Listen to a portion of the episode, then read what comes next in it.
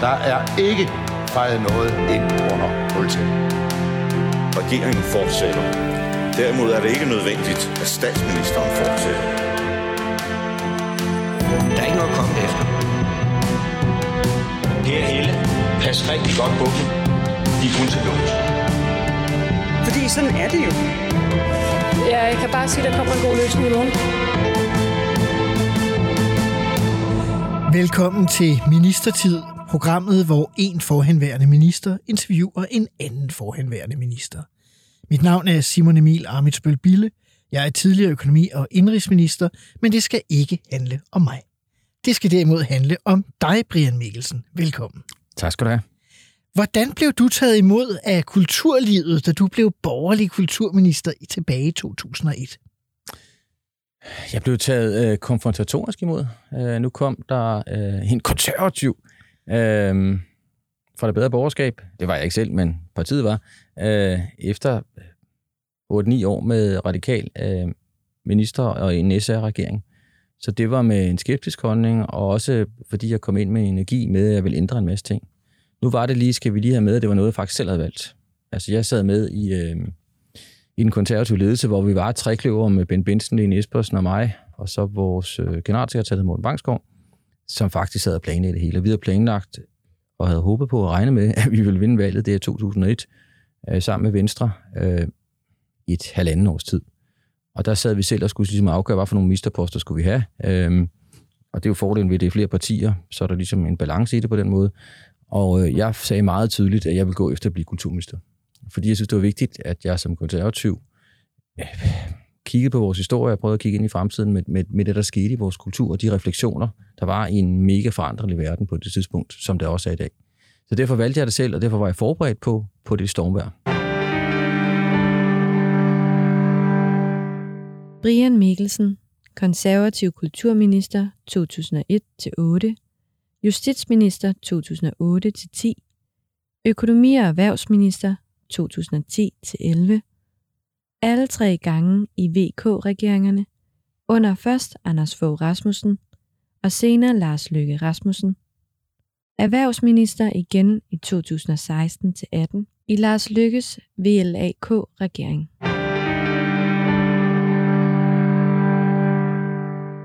I november 2001 generober de borgerlige partier magten efter næsten ni år i opposition. Venstre er det store parti, der får statsministerposten. Dansk Folkeparti vokser sig større end de konservative, men partiet bliver fast regeringsmarker med Venstre i 10 år frem. Alle årene med dig, Brian Mikkelsen, som minister. Du fortæller lige, at I havde planlagt øh, fordelingen af ministre nærmest øh, sammen i ledelsen, altså at du gerne ville være kulturminister. Var det svært at få posten fra Venstre egentlig? Nej, ikke kulturministerposten. Ikke den? Nej, overhovedet ikke. Altså, jeg sad jo selv og forhandlede med Bent, Benson, med Anders Fogh og Claus Hjort i, i, en uges tid, hvor vi sad og forhandlede regeringsgrundlag øh, og ministerposter, og vi fik nogenlunde det, vi, skulle have, som Aha. seks ministerposter, ikke? Ja. Og havde aftalt, hvem der skulle være hvad, havde snakket med PSD om det inden, og sagt til ham, at nu skulle han lige fortsætte politik, så kunne han blive udenrigsminister. Ja, det har Ben Benson også fortalt mig, ja. det var faktisk noget, vi havde aftalt på forhånd. Og Flemming fortjente også at blive, Flemming Hansen fortjente også at blive trafikminister. Henrik Dekær skulle jo også ind, og det var noget, vi havde planlagt fuldstændig på. Aha. Hvad med så selve regeringsgrundlaget? Du siger, du var med i forhandlingerne. Var der nogen kampe, eller havde I også planlagt det så godt med Venstre i, i forvejen? Jeg synes ikke, det var... Øh... Altså, det minder lidt om nogle af de samme regeringsgrundlag forhandlinger, vi to har været til. Øh... Dem kommer vi tilbage til senere. Det? Nå, okay. Øh... Nej, altså, det var jo en utrolig stærk Anders Fogh Rasmussen, skal man lige huske. 56 mandater havde Venstre lige fået. Ja, som fik en valgsejr. Han var øh, suveræn under den valgkamp. Vi fik faktisk et fornuftigt valg, øh, og, og øh, gik også en lille smule frem øh, der. Øh, vi havde forberedt det i lang tid, havde også et regeringsgrundlag fra konservativ side parat. Aha. Det havde han også, med alle hans sædler selvfølgelig. Ikke? Og vi sad egentlig og forhandlede meget frem og tilbage, og fik en masse ting ind. Hvis man går ind og decifrerer det regeringsgrundlag, kan man se en masse konservativ øh, fingeraftryk. Hvad var de vigtigste? Ja, fingeraftryk, det var mest, at vi havde nogle skatteambitioner, øh, som, som jo selvfølgelig handlede om det. Øh, så havde vi nogle på det udenrigspolitiske område, øh, og så en masse andre ting selvfølgelig. Ikke? Vi gik jo ind for lov og orden, så derfor fik vi justitsministerposten. Det fik vi ja. også skrevet en masse om. Ikke? Altså, man går jo lidt efter, når man sidder i regeringsgrundlag, så ved man nogenlunde, hvad for nogle ministerposter man får, og så bruger man lidt kræfter på, når man sidder og skriver regeringsgrundlag. Jeg synes ikke, det var. Øh, altså, nu er der jo kommet et portræt af Anders Fogh Rasmussen bagefter som en benhård leder. Det var han også meget forberedt, det var han også. Men han var faktisk også rummelig nok til, at man kunne diskutere med ham. Øhm, og igen, tilbage til den pointe, jeg kom med lidt i starten, at når der er flere partier i en regering, så bliver man nødt til at være rummelig.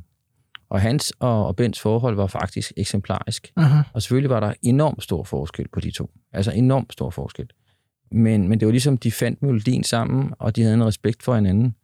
Og nu sad jeg i koordinationsudvalget i alle årene, øhm, og var med til alle de drøftelser, og sad på Marienborg hver eneste aften, eller hver eneste weekend, synes jeg, i, hele, i alle de år der. Sådan kan det godt føles. Ja, selvfølgelig, sådan føles det næsten ligesom, ikke? Øh, sp- specielt lidt senere, kan jeg sige, men det kan vi komme tilbage til under Lars Lykke. Øh, men de regeringsgrundlag forhandlinger var øh, ikke som at føre en krig, men det var sådan en fornuftig drøftelse, og det er klart, at Claus Hjort var meget mere defensiv. Hans approach til politik er meget anderledes end min. Øh, han synes, man skal være meget mere sådan pragmatisk i forhold til Socialdemokratiet. Jeg synes, man skulle bekende kulør. Og det havde vi selvfølgelig nogle slagsmål om, men på en meget, meget uban, civiliseret måde, vil jeg så sige. Fordi vi vidste, vi skulle gå en regering sammen. Ja, også selvom Pia Kærsgaard lige var ude og markere, at hun øh, foretræk en ren venstre-regering. Men igen, der var der et sådan tillids på intet tidspunkt i de halvanden år, hvor vi ligesom forberedte det her, og der var øh, meget, meget tætte møder med Venstre i al den tid, og også under regeringskonferhandlinger havde vi på intet tidspunkt grund til at tro på, at Venstre ville svigte. Altså, der var et meget, meget tæt forhold, og det vil jeg så sige specielt mellem Anders og Bent. Og altså, Ben Benson, ja, den ja. konservative leder. Ja. Og det betød, der var ikke noget, selvom hun kunne pipe, som hun gjorde, det var fair nok. Det, de var jo blevet et stort parti, og, øh, og helt fair, at de skulle have en stemme. Men vi vidste godt, at det skulle ind med en VK-regering, og det vidste vi, at det ville han sætte sin troværdighed øh, ind på. Øh, og ellers ville der ikke blive nogen regering, fordi de havde, vi havde et aftale med, at han skulle en VK-regering. Og han, var, han er en hederlig mand, og det forstod vi også på det. Og han holdt ord, og han satte fod ned over for Pia Kærsgaards ja. ønske. Og du bliver så kulturminister, som vi talte om. Havde du sådan en programerklæring, eller havde du en forberedelse af, hvad ville du egentlig? Ja, det havde jeg. Jeg havde arbejdet meget med det. Øh, Mhm. Også fordi jeg synes, det var vigtigt for et konservativt parti. Øh, nu var jeg jo konservativ. Øh, og ligesom at sige, at, at det betød noget for os, at vi havde en aktiv, mere offensiv kulturpolitik. At der var noget, der var bedre end andet. Altså det var sådan en opgave for mig, var det med, at de radik- radikale havde haft kulturministerposten. Faktisk med en dygtig, sympatisk kulturminister, jeg godt kunne lide Elisabeth. Elisabeth gerne. Ja. Men, men jeg synes, det var for meget kulturrelativistisk. Altså alt var lige godt, Mhm. mm-hmm. radikalt Mhm. dogme. Ikke? Og for mig var ikke alt lige godt. Noget er bedre end andet. Øh, der er nogle balletdansere, der danser bedre end andre. Der er nogle musikere, der er bedre end andre. Der er nogle forfattere, der skriver bedre end andre. Og derfor var det sådan et opgør med det. Derfor brugte jeg lidt tid også på, på eliten. Jeg brugte også noget tid på at få øh, udlandsk input ind. Altså Ja. ligesom for, så det ikke den samme spisthed, der ligesom var i den. Hvordan gjorde du det rent praktisk? Jamen på det tidspunkt kendte jeg jo, det er som om, der var en Bermuda-trekant mellem Danmarks Radio og, øhm, Gyldendal og, og politikken, eller politikken, ja. Yes. Og det vil også være, at vi siger, det synes jeg slet ikke mere, fordi vi har Gyldendal, en fantastisk forhold i politikken. Jeg synes jo faktisk, er en sindssygt god avis, øh, og Danmarks Radio øh, er jeg ret vild med. Ikke? Så det, det var dengang, ikke? Der har måske meget på 21 år. Øhm, men det gjorde jeg ligesom et opgør med. Ligesom også for eksempel valgte jeg at sørge for, at jeg havde udlandsk repræsentation i alle vores kulturudvalg. Det havde jeg simpelthen som mål, at jeg udnævnte en udlænding til alle øhm, vores forskellige kulturudvalg. Øhm, Og de- hvordan stød I dem op, eller hvordan valgte I, det var hvem det skulle være? finde rundt omkring. Altså, Ja. det kunne være øh, en professor et sted, eller en forfatter, der sad et andet sted, eller sådan noget i stil. Og så valgte jeg også nogle andre typer. Mhm. Og så valgte jeg også, fordi jeg ligesom ville tage, det, tage det opgør, så det første halvanden, to år var meget præget af, pff, synes jeg, sådan slagsmål og konflikt, ikke? Altså, Mhm. det var selvfølgelig en lille del af det, der var mange andre ting, ikke? Men, men, men jeg lærte også meget i den tid ved, at, at jeg fandt ud af, nu var jeg jo en, en ung kny, som bare ville forandre det hele, at, øh, at dialog er vigtig. At, øh, at det er også vigtigt at være pragmatisk, det er den måde, man opnår resultater. Så jeg valgte faktisk efter et stykke tid, at jeg øh, øh, tog en masse fortrolige kaffesamtaler med forskellige kunstnere og kulturpersonligheder. Inviterede også til middag, jeg drak må man sige det i radio, du må godt, Mads Rødvin med dem. øhm, Du må og, sige alt. Ja, må man sige alt, det er godt. øh, og, øh, og vi fandt melodien, og øh, mange af dem, som jeg havde meget at gøre med dengang, er faktisk nogle rigtig, rigtig gode venner, jeg har i dag. Ja. Øh, X og Y øh, filmfolk, og X og Y billedkunstnere og musikere og sådan noget. Det er nogen, jeg ser meget privat også. Ja. Jeg ved ikke, om, øh, om du... Jeg husker, jeg husker, vi to var engang i et andet radioprogram, hvor du fortalte om det der konfrontatoriske, noget med, at du skulle over til USA og åbne et eller andet. Og jeg tror, det var Anisette. Var det Anisette, ja, Ja, der tog imod dig? Vil du prøve at fortælle? Nej, det er jo godt husket dig, Ja. hva'? Nej, Den historie har givet, øh, sat så meget i mig. det er mange, mange år siden, kan jeg sige. Fordi det var i 2002, så det er godt husket af dig. Nej, det var faktisk sådan, at, øh, Men det, det, der er også en, en lille sidehistorie i det, ikke? at, at øh, vi var jo kommet til, som du selv nævnte, i november 2001. Øh, og det var sådan også kølvandet på 9-11, Irak-krig, og Danmark engagerede sig meget, fordi Anders han var meget ligesom, aktiv i den kamp, og det var vi konservative også, Aha. kan man ligesom sige. Ikke? Af helt forunderlige årsager, så Savage Roads, Thomas og Anisette Koppel, som vi lige skal sige til de lyttere, som ikke helt kender dem, ja, var nogle meget, meget, meget kendte musikere øh, i 70'erne og 80'erne, og ultrakommunistiske. Det ord kom ud over min mund. Det kom ud over min mund. Nej, de var faktisk albanisk kommunistiske. Ja, nå ja. De var i den klan der, ikke? Vanvittigt nok, at man kunne være det. De forgudede ham, der Hoxha i Albanien. Ja, Emma Hoxha, ja. Tænker man overhovedet kunne det. Som var diktator i Albanien. Ja, men øh, jeg var derude på min første officielle tur, øh, og i den forbindelse var vi jo i en hård, brutal regering, så vi valgte også, vi, det var jo ligesom regeringen, der ville valgte at skære nogle penge i udenrigstjenesten, så man nedlagde nogle forskellige ambassader rundt omkring for at bruge penge for det, som var vores mål på det tidspunkt, for eksempel sundhedssystemet og så videre. Ikke? Det var ligesom det, og så holde skattestop. Øh, og der vil man også nedlægge generalkonsulatet i San Francisco, øh, hvor jeg skulle ud og lave sådan en kæmpe fremstød for Danmark.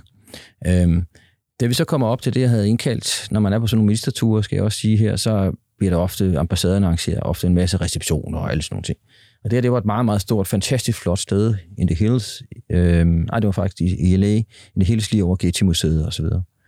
Øhm, flere hundrede mennesker kom. Så da vi kom til den der reception, så sidder Anisette og Thomas udenfor ved døren, og så sidder de og synger, og det er altså meget fine gæster, det her, skal jeg lige sige, ikke? Uh-huh. Så sidder de og siger, så sang de, og jeg kan jo ikke synge, som hun synger meget hæs, faktisk.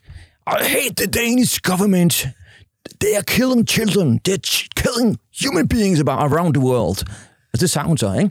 Og der Folk troede, det var, troede, det var en fed happening, ikke? Fordi Danmark er jo tolerant og sådan noget. Aha. Ambassadøren, det, han var ved at besvime. Hans kone, nu skal jeg passe på, at jeg ikke udlevere dem, hun var gået i seng, hun faldt om, fordi det var simpelthen altså alt for bare, ikke?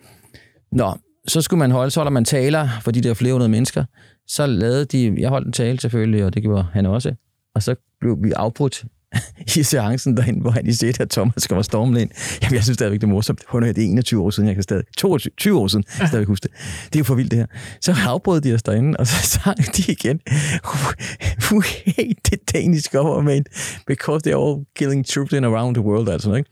Og de, de, så afbrød de bare det hele. Og de der amerikanere, de tænkte, hold kæft, de der tolerante, de der danskere, var. De er virkelig kulturelle.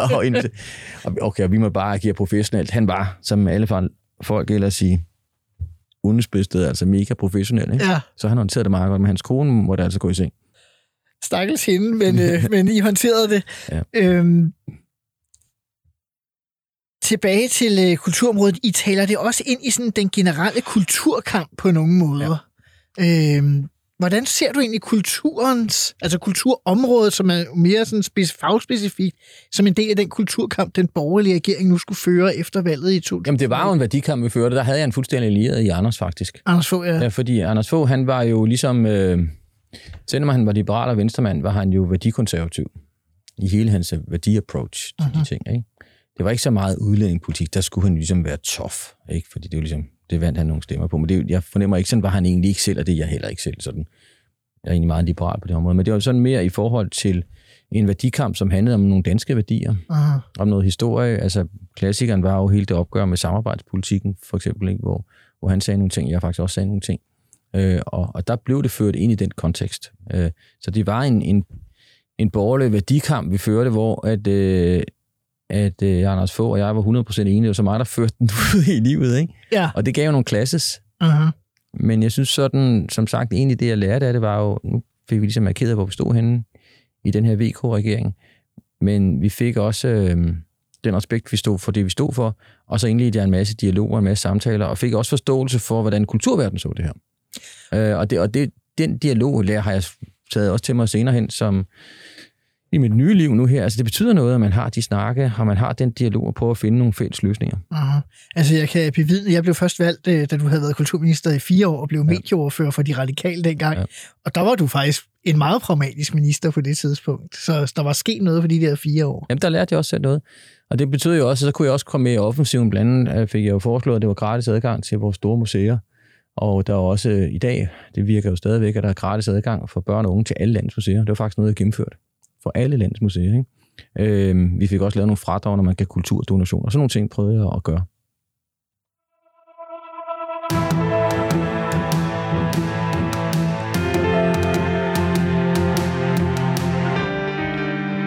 I 2004 lancerer du som kulturminister Kanon-projektet, og året efter bliver der nedsat syv Kanon-udvalg. Hvad gik det egentlig ud på? Jeg står det sådan, det, det står lidt som mit legacy, tror jeg, som kulturminister. Ikke? Altså, hvis, øh, jeg møder jo stadig folk, som taler om den kanon. Det er faktisk også skoleelever, der har brugt den dengang. Ja, jeg sad og bladrede i bogen i går. Jeg har gjort det. Om jeg har den inde på mit kontor. altså, for mig var det nemlig det, som jeg egentlig startede med som kulturminister, ved at sige, at noget er bedre end andet. Mm-hmm. Og vi kunne lære af vores kultur. Altså, at vi kunne lære af de fantastiske arkitekter, vi har, designere, vi har, musikere, forfattere, billedkunstnere osv. Og, og, og det, der var meningen med, med den kanon, var jo, at, at jeg fandt nogle folk, som øh, skulle komme med deres forslag til det. Mm-hmm. Og igen var det ikke en bibel på, at det var bare det bedste af det bedste, men det var forslag til at gå på opdagelse. Mm-hmm. Og derfor fik vi jo også finansieret ved, at jeg fik nogle fonde til at betale det, at den kom ud som øh, gave til alle landets folkeskoleelever i nogle øh, bestemte årgange, som jo så betød, at de gik på opdagelse i noget, de aldrig havde været på opdagelse i før. Mm-hmm. Altså, jeg var for eksempel ude at besøge Brøndshøj skole, hvor en, en, en ung fyr kom ind til mig fra 7. klasse, som havde haft det i deres øh, time obligatorisk. Det var han jo lidt ked af først. Men kom så ind og sagde, at han havde opdaget en masse ting, han aldrig havde oplevet før. Og det betyder, at han havde taget sine forældre med på, på Designmuseet ind i Bredegade, fordi han synes, det var så spændende med alt den design. Og det gjorde mig selvfølgelig glad. Ja, ja. Men det er sjovt, der var ligesom to debatter i forhold til kanon. Der var ligesom debatten om det, der så kom og blev resultatet, og de værker. Men der var også debatten om debatten, hvis man nærmest skal kalde det det. Der var utrolig meget, øh, man skal sige palaver, øh, om det overhovedet var en god idé at lave ja. en kanon. Øh, jeg var inde og kigge efter øh, blandt andet, at Lars von Trier, han klippede Dannebrogs flag i stykker i direkte fjernsyn i protest mod, at han var blevet optaget i kanonen. Ja. Øh, så meget var han imod. Altså, hvordan oplevede du den modstand? Jamen, den var lidt øh, massiv i starten, og så blev den meget positiv. Specielt på nær lige Lars von Trier var jo, de er jo altid meget glade for at være med i den, trods alt. Ikke? Øhm, og jamen, selvfølgelig var der debat om, men meningen var faktisk også debat. Det forskrækkede mig ikke. Altså, det, det var ikke slet ikke en debat, som det var, da jeg startede i 2001 og 2002. Det, der skete i 4-5, den kom først i 6 faktisk, ja. øhm, kanonen. Øhm, men, men det var jo en debat, jeg gerne ville have. Mm-hmm. For det var jo en debat om dansk kultur. Mm-hmm. Og det er ikke fordi, øh, at, at jeg, jeg var faktisk slet ikke med i nogen af de udvalg. Jeg satte mig jo ikke til dommer for, at Lars von Triers, jeg ved faktisk ikke, om det var Ride eller hvad der, han, havde, der, han vandt det med, eller han, han kom med i bogen med.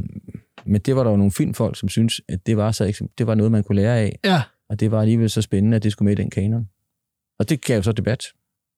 Der var også nogle gange, øh, en række gange i løbet af de der øh, års tid, eller hvor meget det var, at der var nogen fra udvalgene, der sådan, uh, og ville de nu stadig være med, eller Ja, ja, ville de ikke være med? Så der var en kæmpe diskussion omkring det der. Altså, øh, brugte du tid på så at massere dem lidt? Ja, det gjorde jeg meget. Ja. Der var Hvordan? nogen, der hjalp mig rigtig meget. Okay. Jeg siger tak til jer, der hjalp mig. At de, der var med, ikke? Det var nogle forfattere og nogle filmfolk og sådan noget. Ja. Fordi der var jo nogen, her havde jeg jo ligesom valgt dem, fordi de var nogle fagpersoner, Mm-hmm. Som var sindssygt dygtige på deres område. Ikke?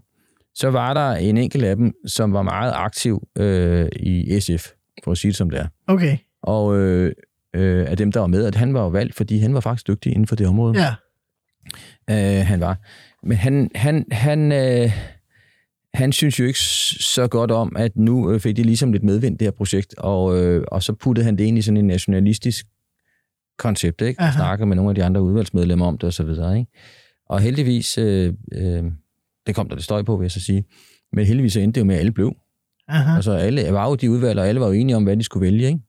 Der var lidt, øh, du holdt den der berømte landsmødetale. Ja. i 2005, øh, der citatet, midt i vores land er der ved at udvikle sig et parallelsamfund, hvor minoriteter praktiserer deres middelalderlige normer og udemokratiske tankegange. Det kan og skal vi ikke acceptere. I dag er det måske svært at forestille sig, hvor omdiskuteret det blev i 2005. Øh, og dermed er tiden jo bare en anden.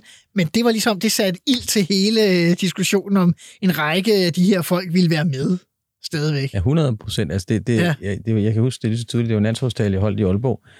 Og jeg ligesom, jeg var dengang jeg meget værdikonservativ, og øh, at de danske værdier var under pres på det tidspunkt. I dag er der jo ikke nogen, der vil gø over noget som helst med det. Altså man kan sige, det er jo ligesom rigtigt, at der er nogle parallelt samfund, som Aha. udøver nogle værdier, som vi ikke kan lide i det danske samfund. Ikke? Og det var ligesom det, jeg, jeg, jeg konstaterede i den tale, øh, som selvfølgelig blev godt modtaget på det konservative landtråd, men ikke helt øh, så meget af nogen af dem, som var med i de udvalg der. Ikke? Aha. Nogen, heldigvis var det et fortal af dem. Ikke? Og det havde vi nogle gode snakker om, Og igen, i den pragmatisme, øh, jeg havde lært, at jeg selvfølgelig også skulle lytte til, hvad de sagde, øh, blev vi enige om, at, at vi selvfølgelig skulle fortsætte det arbejde, og den tale, som jeg holdt som konservativ kulturminister, havde faktisk noget at gøre med selve kanonprojektet, fordi jeg sad jo ikke selv og udvalgte nogen som helst af de værker.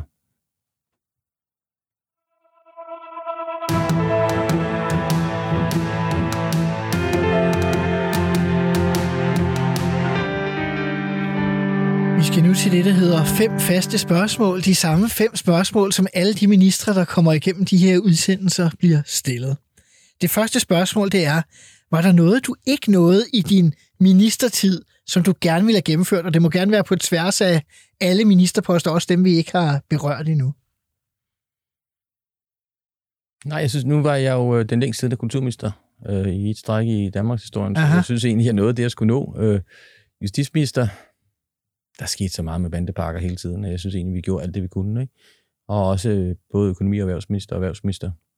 Der er ikke noget, jeg fortryder og tænker, det, det, det, det skulle vi have gjort noget mere. Måske lige sådan, var det meget besværligt, men det kommer vi nok til i din kronologi her til sidst i den regering, vi sad i sammen, fordi vi havde DF, som jo ligesom havde som formål nærmest at sabotere alle de gode idéer, vi kom med i forhold til at gøre livet bedre for virksomhederne og danskerne. Uh-huh. Jeg har en enkelt ting, jeg havde noteret mig, som du måske, øh, det var som kulturminister faktisk, det var TV2's privatisering var en Ja. ja. stor sag øh, for VK-regeringen, som ikke rigtig blev til noget. Ja, altså man kan sige, om jeg fortryder det. Nej, det var ikke, om du fortrød det, det var bare, om, Om du gerne ville have nået det. Ja, det vil jeg gerne have noget, for det er jo ligesom et formål, jeg havde. For Det jeg det. synes, vi har uh, et, et mediemarked, som er meget domineret af sådan statsmedier, men nu fungerer TV2 jo faktisk aldeles fremragende den konstruktion, der er nu her. Aha. Men dengang synes jeg, at det var godt, hvis man havde gjort det. Hvad var det, der gjorde, at det var vigtigt der, men i dag er det mere... Jamen, jeg synes, ja, altså, dengang havde man jo Danmarks Radio som den alt dominerende øh, medie. Og det var nærmest sovjetiske tilstande. Altså, det var det eneste, der var. Ikke? Så kom der jo et, et brud på det, da Jens Bilkrav Nielsen ligesom, og H.P. Clausen fik sørget for, at vi fik øh, TV2 i den daværende. Som ikke? kommer i efteråret 88 Ja. ja. TV2. Nemlig. Det betød, at der var en dualisme, og der var også lidt pluralisme. Ikke? Men det var jo ligesom, da jeg var kulturminister, som mine børn vil sige, det var i stenalderen, øh, der var der jo ikke de samme sociale medier på den måde. Altså, der begynder Facebook lige at poppe op og alle sådan nogle ting der. Ikke? Um, og det betyder jo så, at, at vi havde kun de to medier at forholde os til, og jeg synes ikke, det var pluralistisk nok.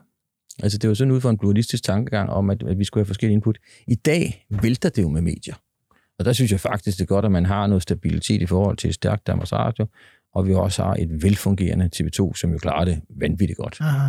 Altså, jeg kan bevidne, at du vel nærmest var den eneste topminister i VLAK-regeringen, der har prøvet at bekæmpe besparelserne på Danmarks Radio, uden at genere dig.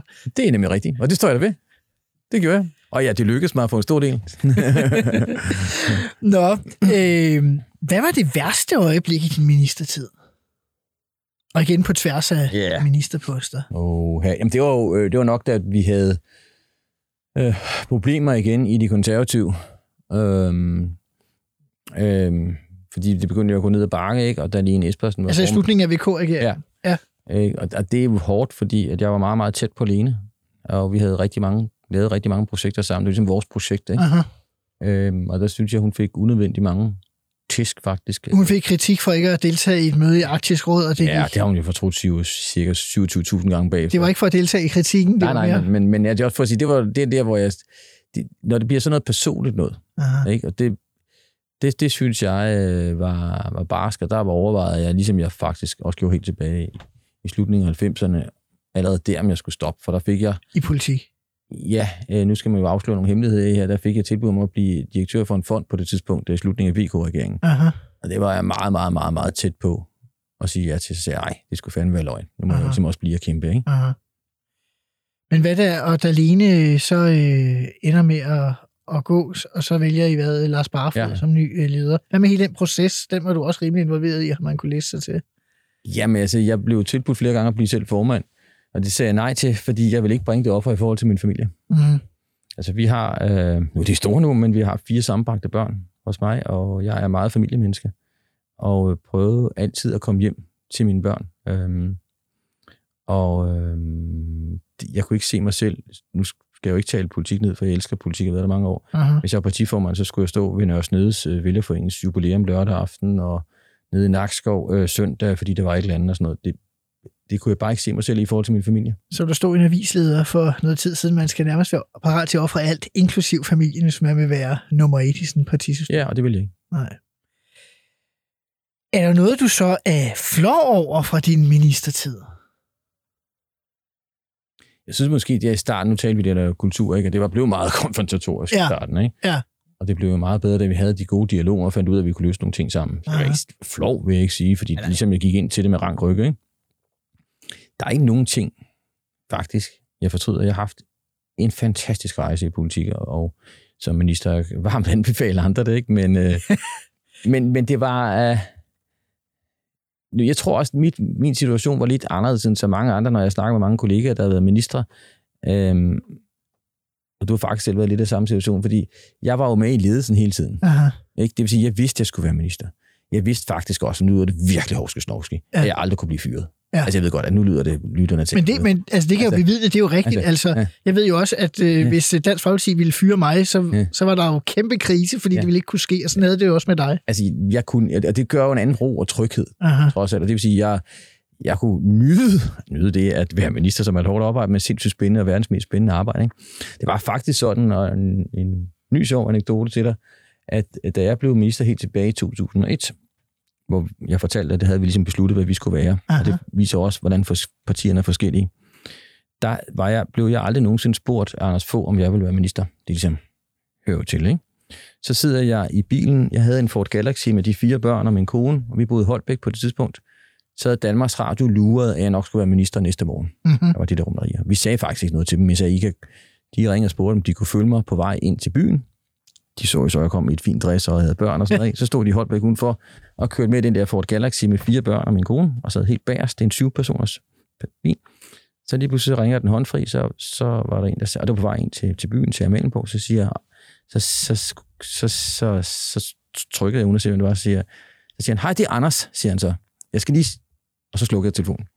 Fordi så vidste jeg, at det var Anders Fogh, Ja, som der er formelt- formelt ville spørge mig, inden jeg tog ind til dronningen, om jeg skulle være minister. Og jeg tænkte, det vil jeg simpelthen ikke afsløre for tv, det her. Både alle illusioner, alle danskere tror, det er sådan uh, statsminister, der spørger. ja. Så jeg har aldrig, og det siger jeg nu til dig, Anders Fogh, nu her, du har aldrig spurgt, om jeg ville være minister, alligevel har jeg siddet i din regering i syv år. Og det er en fantastisk historie. øh, når man researcher på dig, øh, Brian Nielsen, så kommer der også øh, nogle gange nogle lidt øh, skæve citater, hvis jeg må tillade Ja, ja, mig at sige det Øh, der er en enkelt, jeg ikke kunne lade være med at, øh, at tage med. Og det er øh, fra VLAK-regeringens tid, hvor du siger, men siden vi kom i regering, er vi gået frem i alle meningsmålinger. Der er en mere positiv stemning omkring os. Når jeg står splitter nøgen ude i badet efter spinning, klasker folk mig næsten altid på numsen og siger, hvor går det godt. Og jeg er simpelthen nødt til at spørge, er du nogensinde blevet klasket i numsen i badet af Jamen, folk, der er ville rose det, det konservative ja. folkeparti? Nej, men det er fordi, nu var jeg jo så glad for, at det gik ind i godt. Ikke? Vi var gået ned, og jeg øh, var jo så glad Ja, I var gået helt ned på seks Ja, mandater, ja. og nu begyndte det at Nu, stige ja. meningsmålingerne. da vi kom i regering og havde de meget, meget, meget hemmelige, fortrolige forhandlinger øh, omkring det, og jeg ved ikke, om det har været med i dine programmer, men det var jo meget hemmelige og fortrolige forhandlinger, Om VLAK-regeringsdannelse, Ja, det er korrekt. øh, så øh, var vi stadigvæk nede. Men så da vi kom i regering, og det gik godt, øh, så var folk i det fitnesscenter, som jeg stadigvæk går i, og der siger de ikke det samme mere, fordi nu er jeg jo ikke i politik længere, Nej, var de faktisk ret begejstrede. De har ligesom ventet på, at nu skulle det begynde at gå godt. ja. Øh, og, øh, Det er også folk, du møder jævnligt. Og Ja, sådan ja, noget. altså nu, nu skal det også lige have med her til lytterne, at jeg bor ude i et meget... Jeg bor i Hellerup. Ikke længere Holbæk, men nu Hellerup. Ja, er jeg flyttet fra Holbæk til. Og, og Hellerup er relativt konservativt. Så da jeg var i konservativ, var der nok rigtig mange ligesindede derude, som kunne klaske mig i numsen i fitnesscenteret og sige, nu går det godt. Fra badet i fitnesscenteret øh, tilbage til, øh, til det politiske. Har du nogensinde lavet sådan en rigtig stor revkage i politik? Jamen, det synes jeg er politik. Meget um, politik er jo forhandlinger og øh, snak, ikke? Men jeg synes også, det er, hvis man skal tage den lektie med at sige også til politikere nu, det er troværdighed er det vigtigste, at man ikke... Altså, man, man skal jo sidde og mødes igen. Så når du Aha. spørger redevkage for mig, lyder det lidt negativt på den Mhm. måde, ikke? At man ligesom har snydt nogle andre. Mm-hmm. Det synes jeg faktisk ikke, jeg har, fordi og det er også derfor, jeg, da jeg gik ud af politik og fik tilbudt det job, jeg er i nu, øh, gik jeg ud med, øh, tror jeg faktisk, at øh, folk godt kunne lide mig. Aha. Og det, det er jo fordi, jeg ikke har snydt nogen som helst, ikke? Og, og jeg ligesom var hederlig nok. Og det, derfor kan jeg sige, jeg har nok lavet noget, der minder om revkager, men jeg har ikke bevidst vil snyde nogen andre, for jeg har altid vidst, at der var en dag i morgen. Når du siger, du har lavet noget, der minder om, hvad kommer så op i, i dit hoved? Jamen, det kan jeg ikke. Jeg har ikke engang noget konkret eksempel. Det er mere for at sige, at jeg ikke er heldig. okay. Altså, jeg, kan ikke, jeg kan ikke lige i min hjerne, mens jeg står med dig her øh, i studiet, komme på noget, hvor, hvor jeg vil rubricere det som en revkage. Men der har givetvis været noget, som nogen vil synes det, men jeg, det, det har i hvert fald ikke været øh, tilrettelagt sådan og intenderet sådan. Det sidste af de faste spørgsmål, det er måske lidt øh, meget firkantet. Hvem var din værste kollega?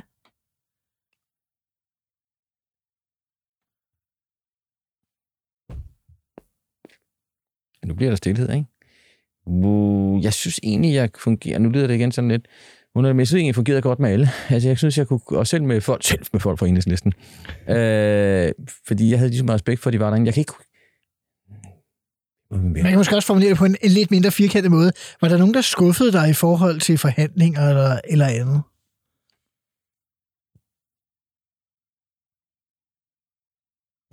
Jamen, jeg, jeg var selv lidt ærgerlig over også, da vi sad i, øhm, i, i VK-regeringen, at jeg forsøgte faktisk mange gange også at lave nogle aftaler med de radikale, for eksempel, fordi jeg var hørte jo til midterfløjen i mit parti, Mm-hmm. at, øhm, at lave nogle aftaler, det lykkedes det ikke altid. Nej, Og det var sikkert også min egen skyld og så videre, ikke? Men, men, øhm, men jeg havde virkelig håbet på, at vi kunne lave nogle store aftaler også med radikale. Og der var vi jo meget i lommen på DF. De var faktisk meget stabile, og vi havde godt samarbejde med dem. Øhm, I den første VK-regering, det var først i den, i, den, i den sidste regering, hvor vi to sad sammen, hvor det var mere problematisk. Mm-hmm. Men altså, jeg vil sige, nu sad jeg jo også i en radikal folketingsgruppe der fra 5 til 8, og nogle gange så er det jo begge veje. Jeg kan huske en gang, vi skulle diskutere en finanslov i en radikal folketingsgruppe, hvor at så sagde jeg, hvad nu hvis man gør sådan og sådan, så kan man måske godt forestille sig, at man kunne lave noget sammen med VK og Dansk Folkeparti. Og så siger Niels Helve, nu afdøde, jamen det er jo det, vi risikerer. Jamen, det er, sådan er det jo. og sådan er det jo nogle Så er gange. det positioneringer Ja. i stedet for enig substans. Ikke? Og det, man kan sige, øh, nu har jeg været så mange i politik, så derfor skal jeg jo ikke sidde og beklage mig over det, men det bliver jo meget ofte signaler og positioneringer og symboler, og ikke så meget reelt indhold.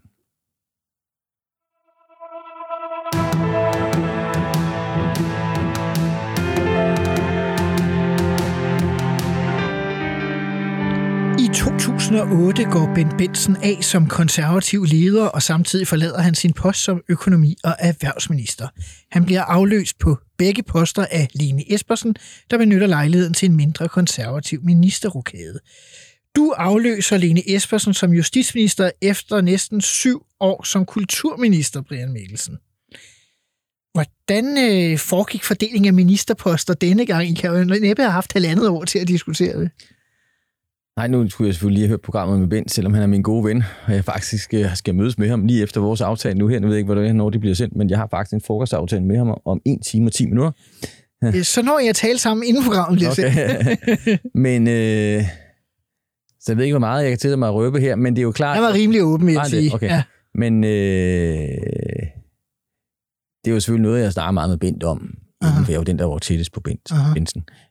Og han valgte jo at sige, at nu var det, at det var faktisk 100, i forhold til mange andre ting i politik, og det er 100 procent hans egen afgørelse, som 110 procent. Ja.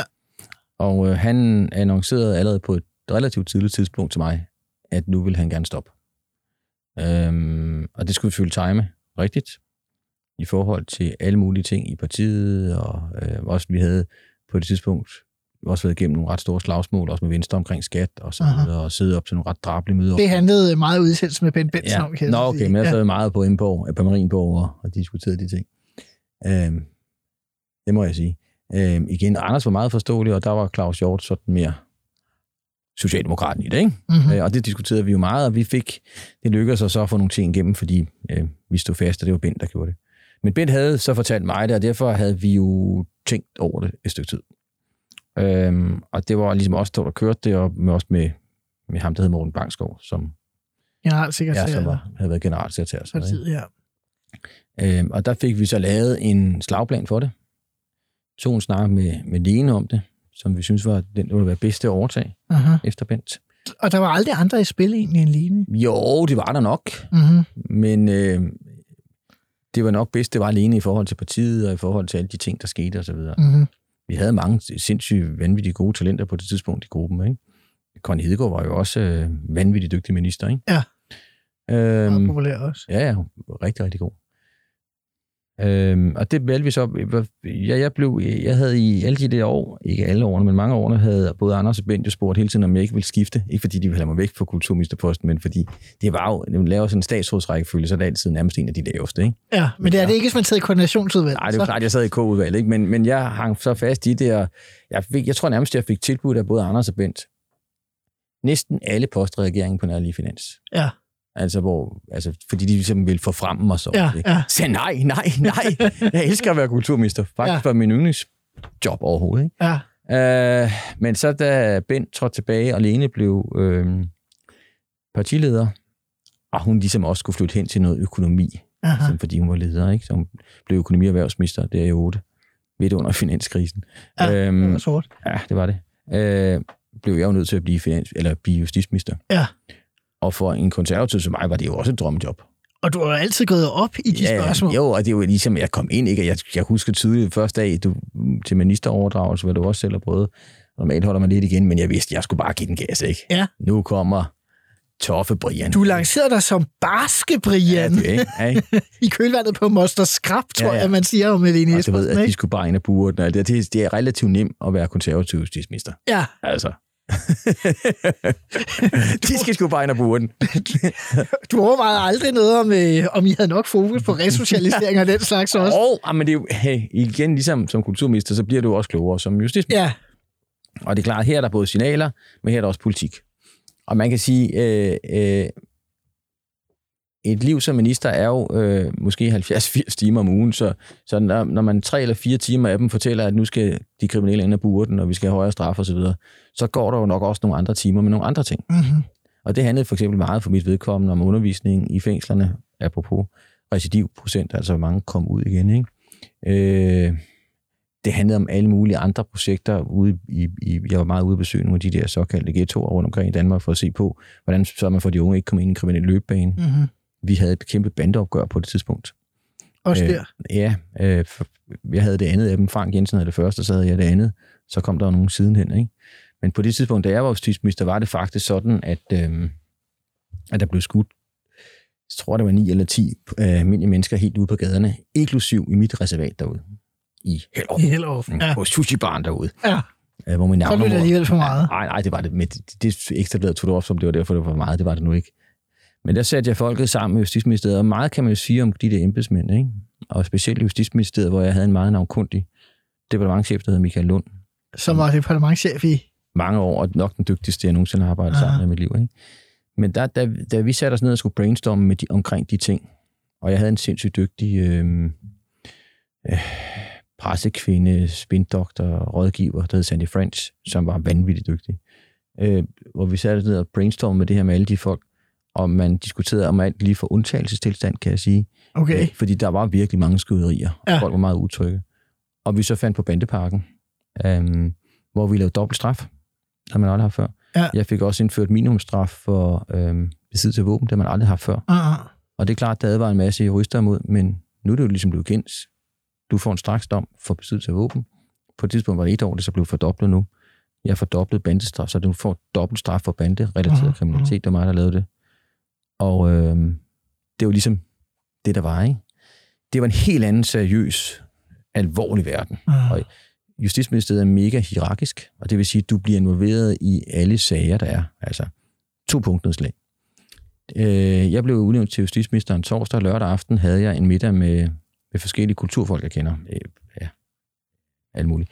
Og øh, jeg havde fået lidt øh, Brunello rødvin, og så blev jeg ringet op øh, kl. 10 om aftenen af PET, øh, og øh, jeg tog røret derhjemme. Der var fastnætstelefon. øh, og, øh, og tog røret, og så øh, fik jeg en besked fra PET-chef Jacob Scharf om, at, øh, at en af mine mænd var døde i Islamabad i Pakistan. En af mine mænd, nå.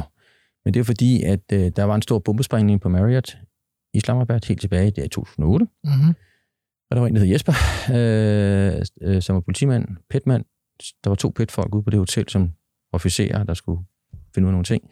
Og han var så død nede i køkkenet dernede. Og det var den verden, hvor jeg ligesom Ja. oplevede, at det var den rigtige verden. Ja. og han havde kone og børn. Og jeg var med til begravelsen, ikke? Ja. Men øhm, det var den verden, der var, ikke?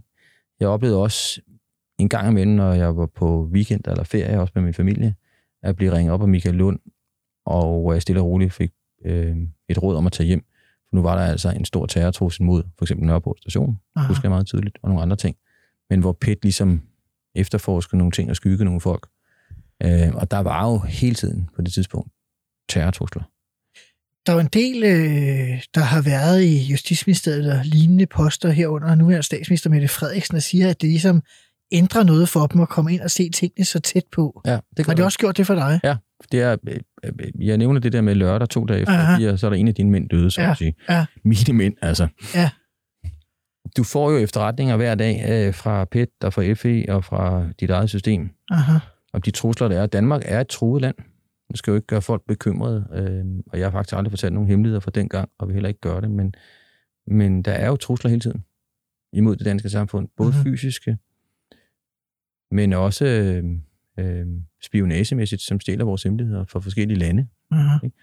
Øhm, og øhm, det, det er et dødsens alvorligt job, som selvfølgelig sætter sit præg på, på, på, på mig og andre, der har været der. Jeg, jeg, det er rigtigt, jeg føler at jeg har en klub med de folk, som har været det, men ligesom, nu var jeg tilfældigvis sammen med Nick Hækkerup i går aftes til noget socialt, Som jo også Og er ligesom- tidligere justitsminister. som er tidligere Ja. justitsminister. Og ligesom man, man nikker sådan lige til hinanden og siger, okay, Vi ved til. vi ved, vi har været igennem nogle ting, ikke? Aha.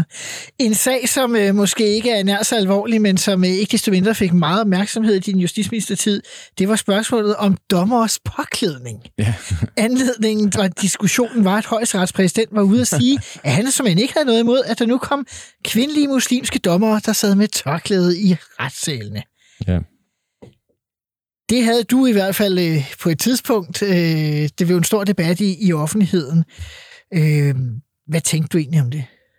Jamen, jeg tænkte, det var politik. Altså, jeg har faktisk ændret holdning til det siden. Øhm, også lidt reflekterende over den debat, der har været med tørklæder. Mhm. Mm-hmm. Der har været et udvalg, som er kommet med det med Holbæks borgmester i spidsen, hvor jeg faktisk synes, at folk fuldstændig selv om, selv om, hvad de vil gå med. Altså, hvorfor skulle man forbyde tørklæder? Og det samme egentlig også i retssal. Altså, jeg, jeg øh, har ændret holdning til de ting. Der, der var jeg nok formet af, at det var politik, og det var, jeg var konservativ Uh-huh. jeg mente det også, men det var ikke, det var ikke noget, jeg hardcore mente. Men det var ligesom, det skulle vi mene som konservativ, ikke? Men det er jo egentlig et meget godt eksempel, fordi man bliver jo tit som politiker spurgt, øh, er du enig med alt i dit parti? Og det er der jo ingen, der er. Ikke engang dem, der er nummer et i partiet, er sandsynligvis enige i det hele. Og gange bliver man talt ind i de der ting også på en Jamen, så putter man ind i måde. koncept, og man, jeg kan ikke undskylde mig med det, fordi jeg var jo faktisk nummer to i mit parti. Ja, ja. Altså, så jeg kunne faktisk selv bestemme det. Hvis jeg havde bestemt, at det skulle være anderledes, så var det blevet sådan. Uh-huh. Så meget magt havde jeg jo trods alt, ikke? Men så bliver man jo ført ind i et koncept og en rutine og en skabelon. Og jeg synes, når man kigger apropos, vi vil lige gå 20 minutter tilbage til min landsrådstale, det der med, om vi har nogle midlerlige systemer ja, og sådan ja. noget, ikke? som i dag, nå, jamen det har vi jo ikke. Uh-huh. Den der diskussion for mig virker også absurd i dag. Altså, folk må da gå klædt, som de selv vil. Vi skal lige nå den sidste regeringsrokade i VK-regeringen. I 2010 gennemfører Lars Løkke og Lene Espersen en større regeringsrokade. Du afløser igen Lene Espersen denne gang som økonomi- og erhvervsminister. Jeg går ud fra, at det var bare noget, og Lene talte om, ja. Hvis vi bliver i øh, konceptet. Det var kun mig og hende, der aftog altid aftalte det. Det var kun mig og hende. Aha. Også hele den konservative del ja. Af rokaden. Der sad vi faktisk og aftalte det sammen. Så du har været inde over i virkeligheden alle ministerrokader Ja. øh, og udnævnelser yes. i, i din tid. Du sidder et års øh, tid på den post, og det var i slipstrøm på finanskrise, gældskrise osv. Var, var det dit fokus? Øh, Det var sindssygt, fordi det var, vi- der var det, øh, apropos det, der ringede, der hed departementchefen Michael Dittmer, der stadigvæk er der, Som også er en mangeårig navnkundig departement. vanvittigt dygtig. Altså, jeg har kæmpe respekt for de der folk der, Aha. ikke? og det skal man altså huske med de transformationer, der er i den offentlige administration i dag, at der er nogle dygtige mennesker, som har integriteten i orden og kun tænker på faglighed. Men der sad jeg med ham weekend efter weekend, fordi den ene bank efter den anden jo krakkede. Aha. Og det betød jo noget for en masse opsparere og en masse folk, som havde nogle, nogle lån og erhvervsvirksomheder. Og der sad vi og lukkede den ene bank efter den anden øh, i weekenden. For det skulle også i weekenden, fordi ellers var der stormløb mod det. Ja, Men- fordi øh, kunderne kunne komme Ja, til. ja. Og så arrangerede vi det mandag morgen, og nu var den bank lukket. Og det, det, det handlede om, det var jo at finde nogen, der ville ligesom overtage det med den solidaritet, der var hos nogle af de store banker, der ligesom kunne overtage nogle af de mindre banker. Øhm, Og der forsøgte jeg jo ligesom også at sætte nogle andre dagsordner med iværksætteri og andre ting og sådan noget. Ikke? Jeg synes selv, det var... Øh,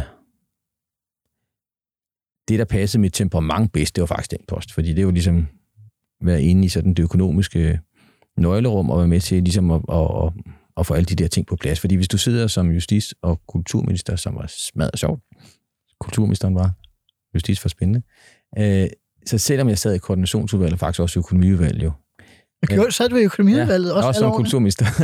Det er jo helt sindssygt, ikke? Fantastisk. Ja. Men der har du ikke det apparat til det. Nej, Altså, når jeg kom, er det, hvordan skal vi forklare det, Simon Emil her? Altså, hvis man sidder i et økonomiudvalg, så sidder man og drøfter alle, alle de økonomiske sager, øh, som har afgørende betydning for regeringen. og der er ikke så meget regnekraft i Kulturministeriet for nu at Og det er så. sådan, folk tror, at det er ofte en minister selv, der er 19, 20 eller 21 minister, der selv kan, når han, når han eller hun går ud og siger noget, så har han eller hun fundet på en god idé at bruge nogle penge. Nej, sådan er det ikke. Det er jo en regering, Aha. der ligesom som i kollektiv siger noget, og det skal jo godkendes også i et økonomiudvalg, og hvis det er meget store ting i et koordinationsudvalg. Men der sad jeg også, og det havde, vi havde jo ikke nogen, jeg havde jo ikke noget support som kulturminister til det. Det var ligesom bare mig selv. Du må læne dig op af Ben Benson Ja, og det hans samme, ja, og det samme som justitsminister, ikke? ja, det er Og klart. det er klart, så kom jeg ind til regnedrengene i, i Erhvervsministeriet, hvor jeg også var økonomiminister. Og øh, der var der jo noget anden kapacitet på det område. Det er klart. Og det gjorde, at man havde nogle helt andre muskler til at kunne være inde og, og diskutere det, jeg gerne vil diskutere, samfundssygene og maskinrummet og, og, og reformer.